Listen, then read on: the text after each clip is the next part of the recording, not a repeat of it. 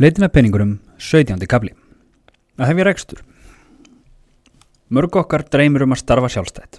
Það er ónættanlega margt sem heitlar við það að vinna fyrir sjálfan sig. Þá getur maður stjórna sínum eigin tíma, valið sér verkefni og almennt bara haft það frekar notalegt. Eða hvað?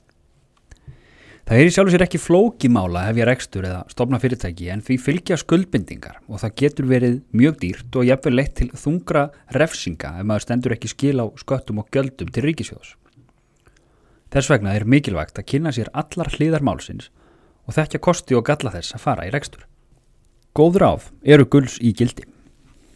Fyrir fólk sem er að spá í að ná sér í aukateikjur með vinnu samlega sínu aðalstarfi eða ég sem er jafnvel byrjað á því og farið að hafa tekjur, þá er ímislegt sem þarf að hafa í huga. Hvenar þarf maður að velta fyrir sér skattalegu hliðinni á málunum, bókaldinu og jafnvel hvort það sé rétt að stopna félag utanum það sem maður er að gera. Mikilvægast er að leita sér strax réttra upplýsinga í upphafi og jafnvel fá ráðgjöf hjá bókaldsfyrirtæki eða endurskoðanda, hvort sem ráðgjöfin haldi svo áfram við aðstóða við reksturinn eður eigi. Það getur sparað heilmikil vandræði og peninga sem geta hlotist af því til dæmis að skil ekki veriðsökkaskatti eða sleppa því að rekna sér laun. Það er eitthvað sem ég mæli ekki með að þú gerir. Og ef fólk flaskar á einhverjum af þessum atriðum þá er besta leiðin út úr því að leita sér aðstóðar.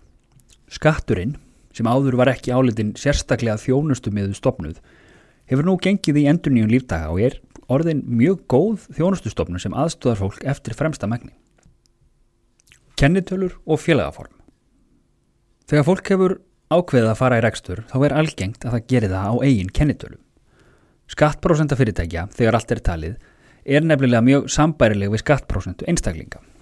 Ef reksturinn grefst ekki mikill af fjárfestinga á landtöku og hefur þar alveg tilherandi litla áhættu, þá kann að vera að rekstur á eigin kennitölu sé bara mjög góður kostur. Skattalega þá er ágættis viðmið að horfa á skattprósentu einstaklinga. Ef sá sem að er með reksturinn er núna skatlaður í öðru skattreipi eða neðar, það er að segja með mánaðateikjur í kringum eina miljóna mánuði, þá eru allar líkur á því að rekstur á eigin kennitölu sé hagkvæmari en rekstur á sérstakri kennitölu. Nú ætlum ég að fara svona yfir helstu hlutafélaga formin sem að er standa fólk getið bóða og, og hvað helstu kosti þeirra og galla út frá ýmsum sjónarmiðum. Fyrsta félagaformið er það sem er sennilega algengast sem er engar hlutafélag skamstafað EHF. Einstaklingur getur á hvaða tímabúndi sem er stopnað félag utanum sinn rekstur eða breytt forminu á rekstri á eigin kennitölu í rekstur í engar hlutafélagi. Það er ákveðin kostur. Megin munur á rekstri á eigin kennitölu annars vegar og rekstri í engar hlutafélagi eða hlutafélagi hins vegar er ábyrðin. Ef rekstur á eigin kennitölu fyrir á hliðina til dæmis vegna skuldsetningar, þá gæti einstaklingurinn fyllt með í gjaldrótið því hann ber ábyrð á greiðslu allra skulda félagsins. Þetta á ekki við um engar hlutafélag og hlutafélag. Þar takmarkast tjón eiganda við hlutaféð sem þið lögðu til félagsins í upphafi sem eru 500.000 krónur. Verður félagið gjaldróta þurfa eigendur því ekki að greiða skuldir félagsins. Það er eins og mikilvægt að hafa í huga að ekki má taka peninga út úr engalutafélagi nema í formi launa eða arðgreðsla. Samlagsfélag eða SLF er annað félagaform sem svipar til blöndu af rekstri á eigin kennitölu og engalutafélagi. Eigendur félagsins verða að vera minnstakosti tveir, þú getur átt engalutafélag einn eða einn, og einn eigandi samlagsfélagsins ber ábyrð á skuldum félagsins. Þannig að félagi lendir í fjárhásvandræðum þá smitast þau yfir á þann eiganda. Í samlagsfélagi má eigandi taka peninga út úr félagi eins og honum sínist. Hagnaður af rekstri samlagsfélagsins er skatlaður eins og hagnaður af rekstri annara félaga. Þær krónur sem verða eftir í kassanum í lok hvers árs eru þannig skatlaðar um 36,7% sem er töluvert lægri skattprósenta en tekjuskattur í hæsta skattripi sem er 46,25% þegar þetta er skrifað. Fyrir forvitna þá er áhugavert að nefna að talan 36,7 er ekki dregin upp úr hatti. Hún er samtala af skatti á hagnafyrirtækja sem er 20% og fjármastekjuskatti sem er 22%. 20 pluss 22 er vissulega 42 en ekki 36,7 en útreikningurinn er aðeins flóknari. Ef fyrirtæki, enga hlutafélag, hagnast um 100 krónur þá greiðir það 20 krónur í skatt. Ef þetta sama fyrirtæki greiðir svo krónurnar 80 sem eru eftir í arð, það borgar sá sem fær arðin 22% í skatt af því eða 17,6 krónur. Og hvað er 20 pluss 17,6? Jú, 36,7. Sama skattprósenta og er á hagnaði af samlagsfélögum. Og þar hafið þið það. Samegnafélög eru svo eins og samlagsfélög að miklu leiti, eiginlega öllu leiti, nefna það að allir eigendur bera ótakmarkaða ábyrð á skuldbindingum félagsins. Það þýðir að ef allt fyrir skrúuna og skuldirnar hlaðast upp, þá geta kröfuhafarnir sótt peningana sem félagi skuldar þeim til allra sem standa að samegnafélaginu. Þetta félagaform er því skiljanlega að mörguleiti að hverfa.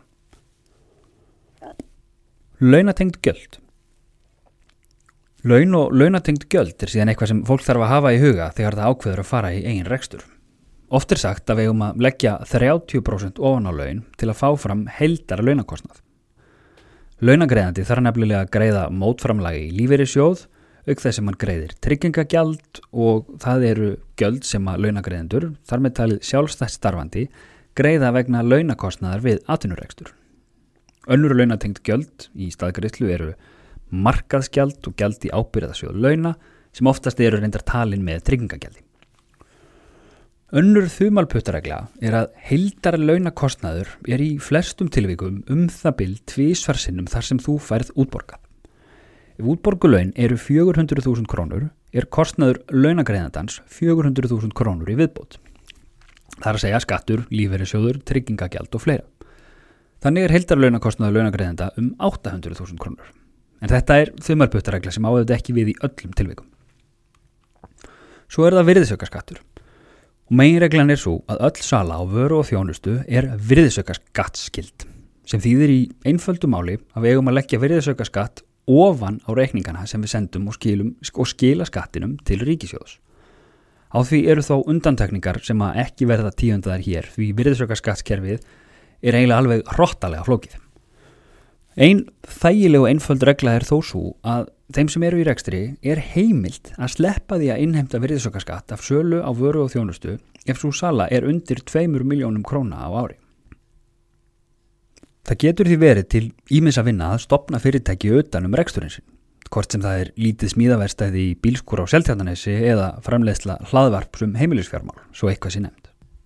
Fyrsta skrefið er þó ofta að viðurkenna vannmátsin og leita ráða hjá fólki sem veit betur um hvað þarf að hafa í huga þegar maður setur fyrirtæki á stofn. Því það marg borgar sig þó svo það geti virst dýrt í upphafi.